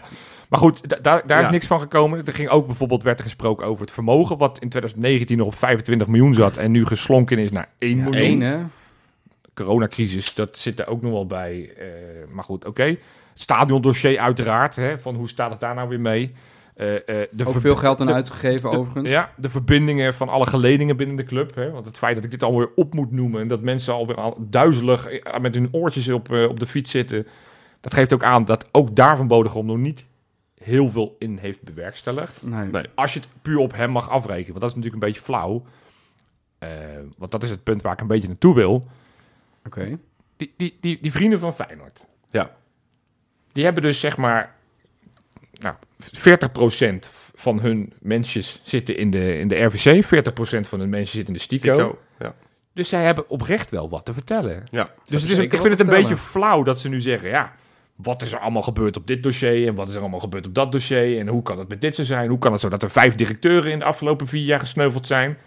Terwijl ze ook twee mensen vanuit hunzelf, notabene, in die RVC hebben zitten. ja, precies. Dus, omdat, dus dat voelt een beetje, maar goed, dat is, ja, het is allemaal heel ver weg. Het voelt een beetje, als het een soort van interne afrekening is, dat die, die twee leden die in de RVC zitten, Vriendjes schuiven. dat die zeggen, ja, we zijn niet zo blij met die van Bodegom, want we hebben geen grip op hem, want die doet van alles.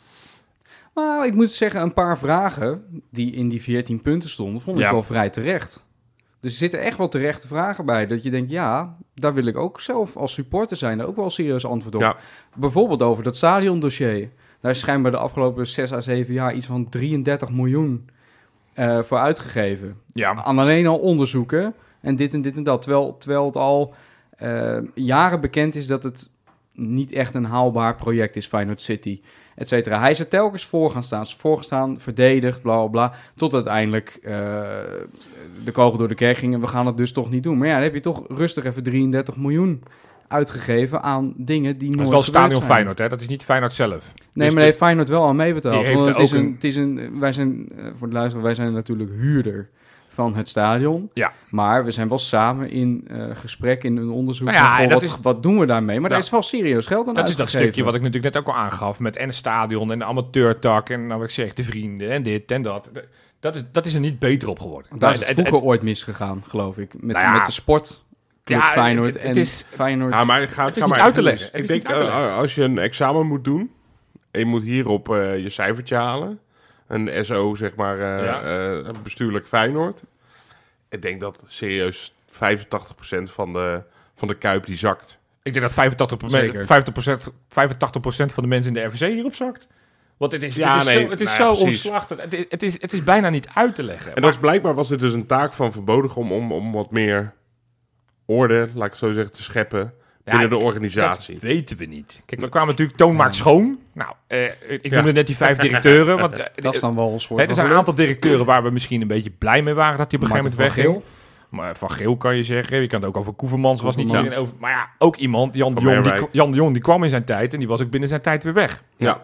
Hetzelfde geldt voor, eh, voor Joris van Dijk. Dat is, die, die kwam binnen en die was eigenlijk vrij snel alweer weg. Betekent hè, dat dat schoonmaken, in zoverre je dat dan één persoon mag ophangen, hoeft niet per se slecht te zijn. Want als we kijken naar eh, de, de koers die Feyenoord nu aan het varen is, gaat het goed. Ja. En tuurlijk is het terecht dat je zegt, hey, 25 miljoen eh, vermogen, Ja. vier jaar geleden, nu 1 miljoen. Ja, Nou ja, eh, sportief verbloemt een hoop. En dat is jaren al zo. hoor. Dat, was toen de tijd in het seizoen 2011, 2012 was dat ook zo. Met zeer beperkte maten, hoe heet het, met zeer beperkte spelers, mogelijkheden, bla bla. Onder Ronald Koeman, tweede geworden. Oh, holla die dit en dit en dat. Maar het was pas een jaar na die eh ongelofelijke de, eh, onzin in 2010. Dat de vrienden Club van bijna, Feyenoord ja. de boel heeft Ja. gekocht. En bla. Ja. Een jaartje later waren de problemen al opgelost. Nee, dat was pas net voor het kampioenschap. Dat, Nee, dus- dat het echt gezond werd. Dus ik, ik ben het ook wel met je eens. Bijvoorbeeld ook een van die dingen die in het artikel stond, is dat de vrienden vinden. Ja, we, we, we zien van Bodegom, zien we nooit bij ons. Dan denk ik, ja, maar wat verwacht je dan? Tuurlijk, Nou, kijk, eh, dat vind ik ook. Eh, Het vervelende is een beetje dat... Je had destijds in 2010, 2011 had je niet echt een keuze. Toen moesten we. Want anders Ja. was het gewoon einde oefening. Anders was het echt het einde verhaal. Ja. Dan hadden we nu eh En samen toen, met dan moet je ook een beetje nederig zijn, zeg maar. hè, In die zin van, ja, oké, die gasten hebben ons gered. Die willen zeggenschap voor iets minder dan de helft. Want dat zijn aandelen in feite. hè. Ja, Dat is gewoon, wel, hoeveel heb je te vertellen? ja. Ehm, en het is dan, lijkt mij heel moeilijk om als club zijn dat je eh, de balans te vinden tussen je oren te laten eh, hangen naar zo'n club die wel degelijk heel veel ja. van belang is geweest, of de scheid aan hebben. Je moet er een beetje tussenin gaan zitten. Ja, want Ja. je moet op een gegeven moment toch weer door. Nou, Nou ja, je, dat- en- dat is het hele punt. dat je gaat nu niet zo heel goed. Weet je wat, wat het lastige is? Kijk, ik probeer het vergelijk te maken. Ze, ze noemen zichzelf de vrienden van Feyenoord. Stel nou, Duivie, jij klopt bij mij aan. Je zegt, yo, het gaat financieel even niet zo goed. Jopie, mag ik voor jou 5000 euro lenen? Jopie, Nou. vriend van Duif. Ja, dan, dan kijk ik of ik dat kan missen. Dan zeg ik, nou, dat kan ik toevallig missen. Je krijgt van mij 5000 euro. Dat, dan, dan zou het daar, hè, als vriend, zou ik zeggen, weet je, dan spreken we af over twee jaar, of over tien jaar, of over vijftien jaar Ja, betaal je terug. Misschien met een beetje rente of whatever. Maar dan kan het niet zo zijn dat ik drie weken later tegen jou zeg, yo Duif, eh, ja, ik vind dat je toch iets minder eh, cola moet gaan drinken. En als je dan cola drinkt, drink Dan dan, zeg die je 3S waarom cola. dan? Dan zeg je, ja, maar ja, Eh, goed, oh, trouwens, ik heb jou Duif, ik vind 5000 ook, gegeven. ik zie dat je nu met een meisje thuis komt. Dat kost vrij veel geld. Dat, dat wil ik niet. Dus in- Ja. ik vind het, een, weet je, ze hebben tering veel zeggenschap. Ja, Eh, en dat vinden ze stiekem hartstikke leuk, want ze kunnen overal meepraten. En nogmaals, in al die organen. oké.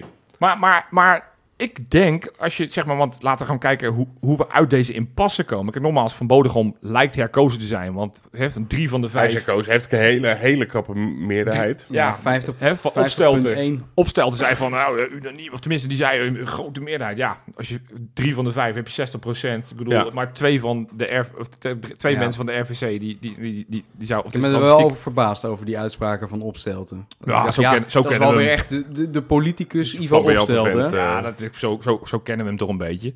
Maar uiteindelijk denk ik, als we een soort van uit deze impasse willen gaan, van als we meer duidelijkheid willen krijgen, dat we niet over twee jaar weer zo'n item moeten gaan doen in deze show, om uit te leggen hoe het ook alweer zat, moeten we af van die RVC. En dat neem ik dan Feyenoord wel kwalijk. VVF.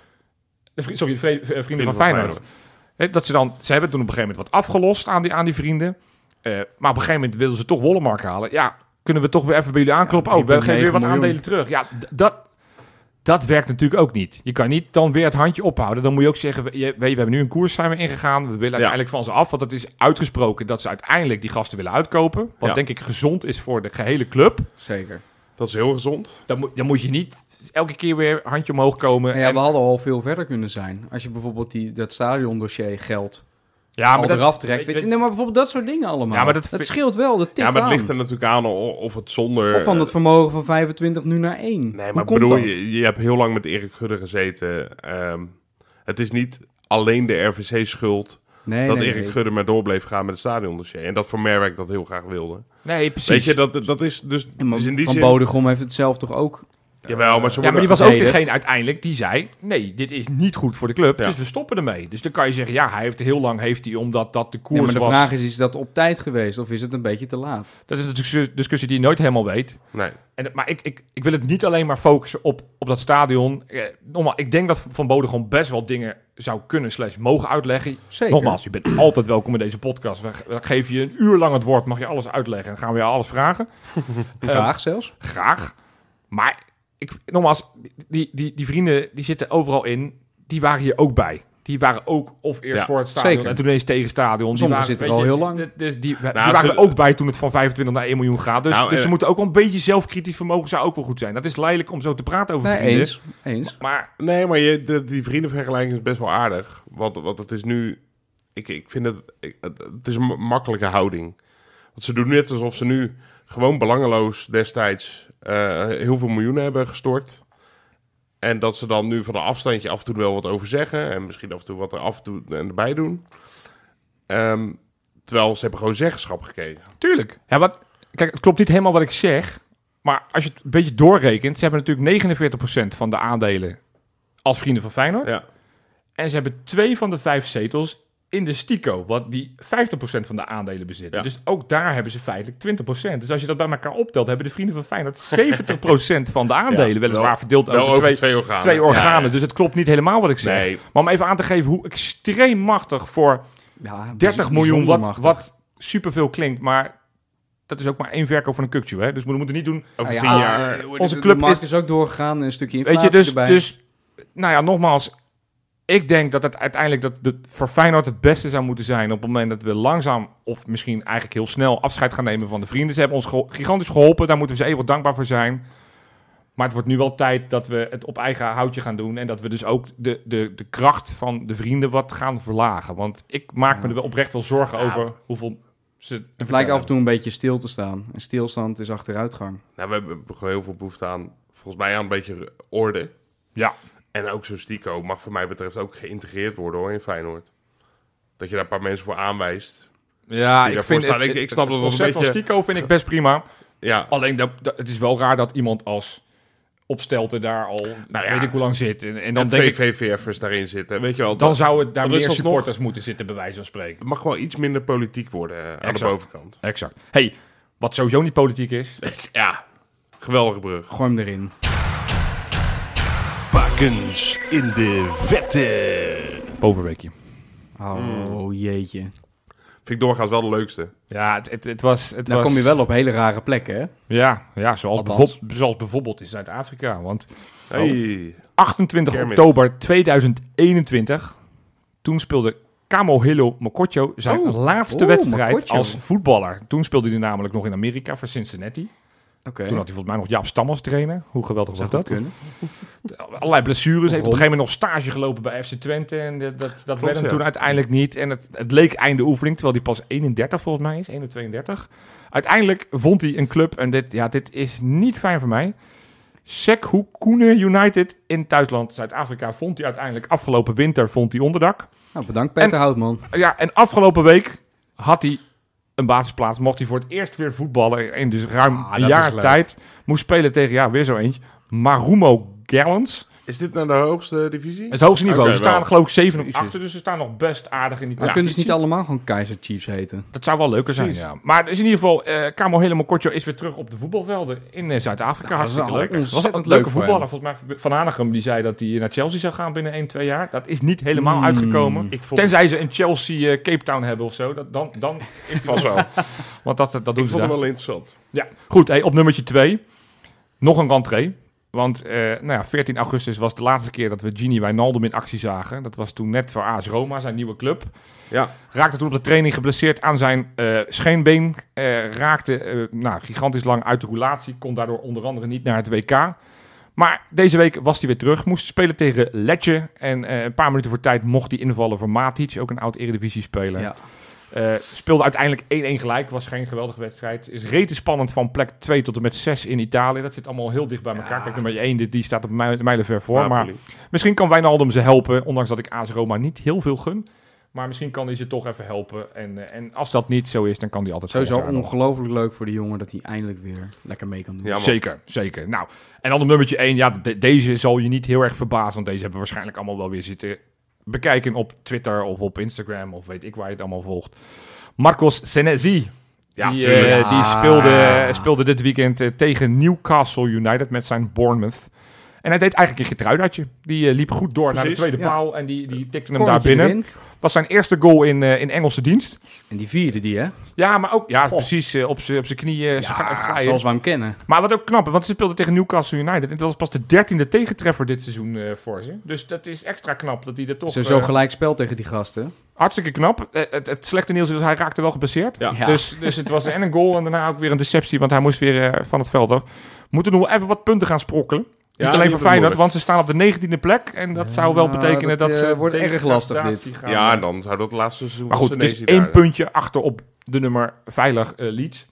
Dus, eh, dus het, het, het kan. Maar goed, Ik, ik Sinisterra vind het niet leuk dat Sini en Senesi in een degradatiestrijd zijn verwikkeld. Nee, dit is- Nee. dit- alle twee moeten ze even wat punten gaan Ja. pakken. Is ook volgens mij goed voor Feyenoord. hoor ik, eh, hoor ik onze eh, Ongetwijfeld. algemeen directeur steeds zeggen. Ja. Dus eh hup hup. Vorige week vroegen we jullie om luisteraarsvragen in te zenden. Daar hebben we er best wel wat van gehad. Blijf dat ook doen, want wat ik zeg, zeker als fijn. we, als we geen voorbeschouwing of nabeschouwing hebben, is het altijd lekker om eh, een paar luisteraarsvragen voor jullie Precies. te hebben. We hebben er ook een gekregen van Lorenzo via Twitter. En die vroeg, wie wordt de eerste jeugdspeler die basisspeler wordt? Dus let op, niet debuteren, maar echt basisspeler Ja. wordt. Ja. Rob, mag ik aan jou het eerste het woord geven? Ja, dat mag zeker. Vertel, wie denk jij dat als eerste door gaat breken? We hangen aan je lippen. Bij mij is het eh, een soort... eh, ik, ik maak altijd onderscheid tussen denken en hopen. En ik ga ik toch snel voor hopen. Omdat ik dat leuk vind. Ja, En wie hoop je dan? Dat dan ook uitkomt. Nou, dan hoop ik toch gewoon dat dat eh Dermane is. Oké. Dermane Kijk, Karim. ik durf nog steeds niet Dermane Karim, Karim Dermane. nee, het is Derma ik zeg het nog steeds Ja, verkeerd, maar het is Dermane Karim. Ja, dat eens en Oh, altijd. nou dan zeg ik Karim. Want ik, Karim is dat achternaam, zo doen we dat. Ja. Dermane Karim. ja. Daar ga ik voor. En ik weet dat zijn positie best wel... eh, hè, dat, dat is nu aardig bezet. Nou ja, op zich nog steeds niet. Je hebt Wiever als echte controleur. Ja, Voor de rest heb je. Timber als gemaakte controleur. En daarna heb je niks. Dus er ligt er nog steeds wel kansen. Ja, dat Maar is ja, waar. het feit dat hij tot nu toe nog geen enkele keer bij de selectie heeft gezeten. Ondanks dat Wiever niet altijd erbij was geweest. De eerste competitiehelft. En Verbaast me een beetje eerlijk gezegd. Hoe Ja. oud is die eh Karim eh, eigenlijk? eh, 17 nu? die is eh, volgens mij in december is die 19 Oh, geworden. 19. Oké. Oh, Ja, bij lekker. zijn 18-jarige leeftijd kon hij pas een contract tekenen omdat hij niet uit de EU Oh, is kwam. Dus Ja. Mm. volgens mij is hij in november of december is die, is Ja. die, is die wel een jaar geweest. mannetje. Nou ja, en ik, ik vind gewoon... En, en hij zit natuurlijk nu vaak bij onder 21. Alleen dat vind ik geen... Dat is geen eerlijk beeld, krijg je dan van spelers. Ja. Soms, soms excelleren ze daar ook, maar Ja. Ja. spelers worden gewoon beter als ze ook... En ik vind Dermane, denk ik dat dat een jongen is die, Als die omgeven wordt door betere spelers, dat hij zelf dan ook beter gaat die ook spelen. beter wordt. la Wiever. Hè, Ja. Dat zien we nu ook. Leuke naam. Ja, ik, vind het gewoon, ik, ik Ja. vind het gewoon ook zonde van dat soort, want het is echt wel een echt een groot talent, hè. Ja hij, hij valt, de laatste weken valt hij me wel wat tegen. Ik had hem qua ontwikkeling iets meer Ja, van maar hem zou dat ook niet te maken kunnen hebben met een, beetje teleurstelling over dat hij er nog steeds niet bij zit? Ja, volgens mij mag hij wel één keer per week meetrainen. Volgens mij mag hij elke dinsdag meetrainen. Of- ja, of- dat klopt. ja, dat maar is- als dat, het is, Ja, dan, misschien had hij verwacht dat hij al wat verder zou zijn. En dat hij eh, eh, toch al dichter tegen het eerste elftal aan zou zitten. Maar ja, slot.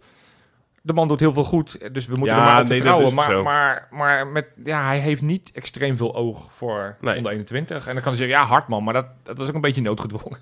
Omdat, dat is heel erg noodgedwongen. omdat de, de rest of geblesseerd was of nog niet fit was. En, en die kans ja, heeft hij gepakt. En ik hoop natuurlijk ook niet dat Wiever en Kukshoe geblesseerd raken. Nee. Want dan krijgt Dermane ongetwijfeld al wat minuutjes ergens her en Ja. der. Ja, Ja, dus ergens hoop je dat hij doorbreekt, maar eigenlijk niet echt. Want dat zou betekenen dat we spelers Ja, met een blessure hebben. Maar, Het gaat wel de eerste zijn met de basisplek.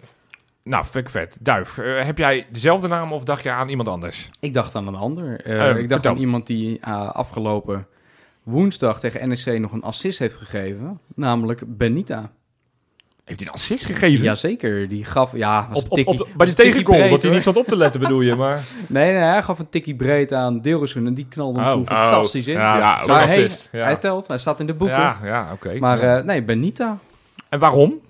Nou, eh, precies hierom, dat hij dus al... Een assist een kan geven tegen NEC. Een assist breed. kan geven tegen NEC. Dat is niet aan Karim. eh, nee. Heeft hij dat al gedaan? Geloof Nee, niet, hè? Nee, nee, Oké, nou, dus nee. Ja. Dermanen verder. Nee, wordt het uh. Ik vind het sowieso wel een leuk ventje. Is, Benita, neem ik aan. Nou, Ja. Vind ik ook een leuk ventje Ja. trouwens. Nee, maar Benita, rechtsback. Leuke vent. Af en toe erbij. Leuke vent. Ja, leuke vent. Ik Net vind het gewoon 19 een leuk mannetje. Ja. Gewoon, dat mag ik toch vinden? ik, ik, vind hem, ik gewoon- vind hem...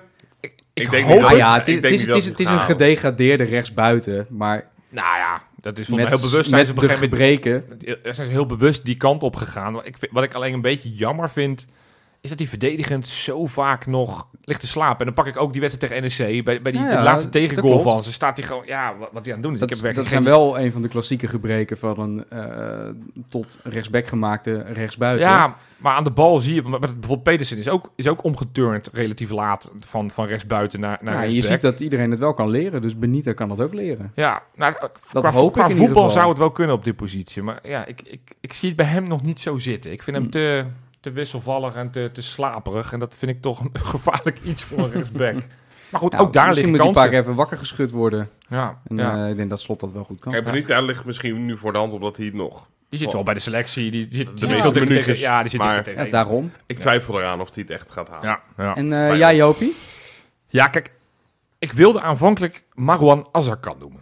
Want leuk, dat die doet het extreem goed bij Excelsior. Nou, op de flanken. We Waarom het dit is ook weer vals, hè? Ja, ik wilde eigenlijk niet doen. Maar dit is een beetje hoe je bakerslijstje in een goede week Nee, maar ik ga je uitleggen waarom, waarom ik hem niet... Want ik heb ook zitten nadenken over Jaden Slory. Ik heb Sauer, heb ik de revue laten nou precies even. dit dus. Ik wilde dat straks nog allemaal roepen. Nee. Maar het, pro- het, het, het probleem is, kijk ik gewoon naar de recente geschiedenis van Feyenoord. Aanvallers breken bij ons gewoon niet door. In ieder geval niet als aanvaller, hooguit als Maar middenvelder. waarom Als- Aatser kan dan wel? Ja, da- daarom noem ik hem ook niet. Dus ik ga toch uiteindelijk in de linie waar we uiteindelijk het meest hebben gehaald. Want kijk naar Stefan de Vrij, kijk naar meer, meer recent Karsdorp, naar Mhm. Congolo, Martins Indy. Dus de verdedigende En- en- linie. Dus ik kijk naar de achterhoede. En dan denk ik aan ja, Mike Klein, die ook Ah, ja. omgeturnd is van controleur. Eh, is nog steeds piepjong, want is pas net 18 geworden. Leuke voetballer. Eh, is, heeft, heeft die pit, heeft zeg maar die felheid die we ook bij Hartman nu zien. Kan op het middenveld uit de voeten, wordt nu steeds vaker als linksback gebruikt. Moet daar nog wel het een en ander leren.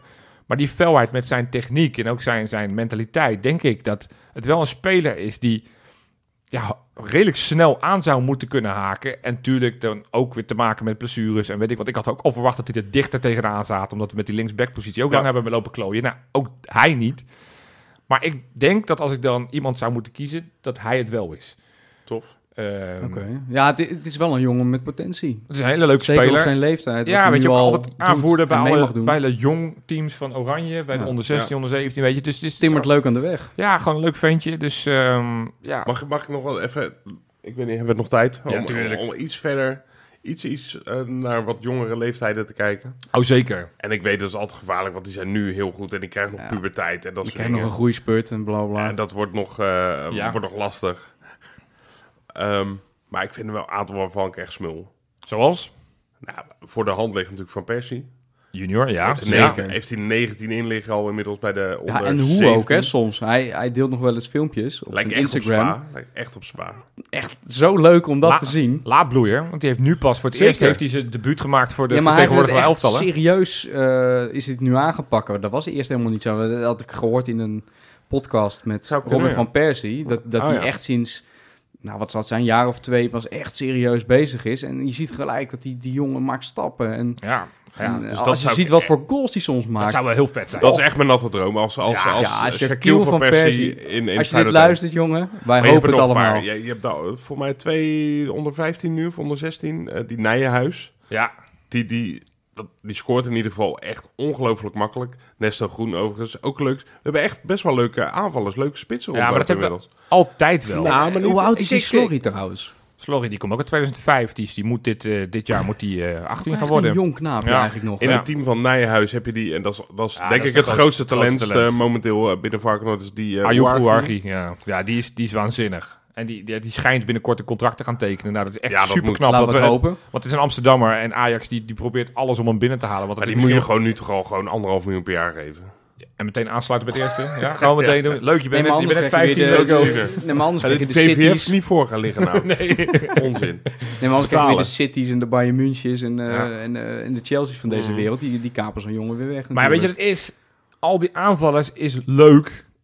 Maar die gaan het niet worden. Want die hebben misschien wel het meeste baat bij spelen op een beetje niveau. En dat zou tweede divisie kunnen zijn. Eerste divisie Ja. nog beter. Maar ja, laten we ook eh, de olifant in de kamer maar gaan bespreken. Want het is wederom een verloren jaar. Ik durf het wel met enige veiligheid nu te gaan zeggen... dat het wederom niet gaat lukken om te promoveren naar die tweede divisie. Nee. Want afgelopen weekend moest Feyenoord onder 21 een uitwedstrijd spelen tegen ADO Den Haag. Feyenoord begon die competitie met eerst twee nederlagen. Daarna wonnen ze de twee.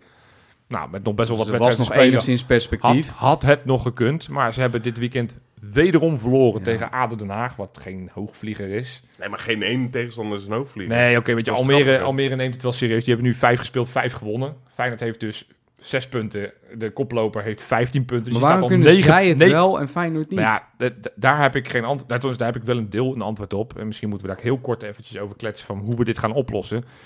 Maar het feit is, het is weer niet gelukt. Ja. Het is weer niet gelukt. Dus het, we zitten weer een verloren jaar. We gaan weer die tweede divisie niet in. En, en dat vind ik oprecht zo'n gigantisch vertiefd. Want, Want, dat, want Jopie, hoe lang duurt dat inmiddels al? Dat Ja, wij het is nu- dit proberen. het is het derde jaar dat die route open is. Nou, het eerste jaar was corona, gooi de route Ja. in het eten. Dus de- de- maar de laatste twee jaar heb je gewoon echte kansen gekregen. Er is er ook gestreden.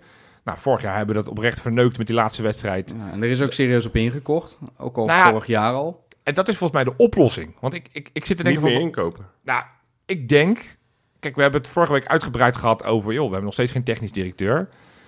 Ik had ook altijd wel een beetje het gevoel dat, dat Arnissen, toen hij daar nog was... dat hij vooral voor het eerste elftal keek, wat natuurlijk logisch is. En dat hij dacht, oh shit, ik heb nog een beetje budget. Laat ik nog maar een of andere gozer van Paris Saint-Germain. Want vorig jaar hadden we die, dat- die, Amin. Nest, die, Nesto, die Ja. Nesta Zawi. En dit jaar kwam die, eh, kwam die andere gozer, die nu bij Dordrecht speelt... eh, kwam ineens uit het niets. Ja. Of dat nou de, de wereldtalenten zijn, nee, natuurlijk niet. Alleen het is allemaal piepjong. En ik, elke keer in die interviews hoor ik ze ook altijd praten van het gaat om en ontwikkeling en om presteren. Ja, dat gaat gewoon niet altijd hand in hand. Nee. Nee. Nou, en Dus, dat dus er moet volgens mij, maar dat is makkelijk gezegd, maar er moet volgens mij een, een technisch directeurtje, Manager dan. Gewoon, gewoon een, een man, en maar als, als- speciaal voor het onder 21 team, geef hem een contract voor twee jaar. En je zegt gewoon binnen twee jaar moet dit team in de tweede divisie spelen. Je krijgt van mij een prestatiecontract. Ja. Maar laat hem gewoon een team samenstellen wat ouder is. Want we hebben een piepjong Ja. elftal. Wat, al- wat ik zei, van Slory komt uit dit- 2005. Je hebt Milambo komt uit 2005. Klein, dat zijn drie basisspelers. Die spelen tegen spelers die drie, vier, vijf jaar ouder soms zijn. Ja, En dat doet bijvoorbeeld Almere wel. Die zetten Nou, wel... ik heb niet al die Nee, selecties... maar ik bedoel, die zetten bijvoorbeeld wel spelers van 20, 21 jaar standaard er gewoon in. Ja, ik, die daar zei, dus ik- horen. Ik, dat- ik heb dat niet, al die, al die selecties ben ik door gaan spitten. Ik bedoel, dat, zo ver ging het niet. Maar je ziet wel, je merkte bijvoorbeeld vorig jaar in dat onder 21 team, toen hadden we die Delano Ladan. Die, Ja. die, Ja. die eigenlijk dispensatie, want het was eigenlijk net een jaartje te oud. Dus die was al te oud. Maar dat merkte je wel, het verschil tussen een soort van makkelijk wedstrijden winnen en niet. Want die heeft zo vaak wedstrijden beslist. Terwijl je wist, gaat never nooit Feyenoord 1 halen. Nee. Is niet maar daarvoor genoeg. was prima. Maar voor dat elftal was prima. Dus Ja. zo'n technisch directeur die zou moeten gaan scouten bij clubs uit de onderkant van de eredivisie van spelers die er een beetje tegenaan hangen, contract te verliezen, die wel al wat in de eredivisie hebben gespeeld. Iataren of zo bijvoorbeeld zou een speler die nee, dat is een grapje. nee, maar gewoon spelers die, die er een beetje, beetje aan hangen.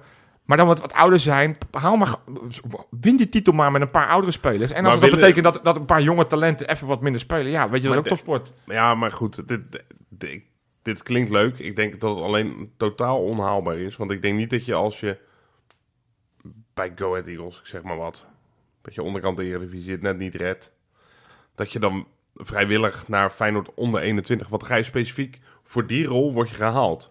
Ja, dat gaat geen speler doen. Nou ja, Delano Ladan heeft, die heeft zijn carrière een boost gegeven. Die heeft daarna een contract kunnen tekenen bij Toppos. ja, hij, Natuurlijk, dat is natuurlijk niet... eh, het liefst had hij ook daarna zijn stap gemaakt naar Manchester City. Dat snap ik ook wel. Maar dit, dit was...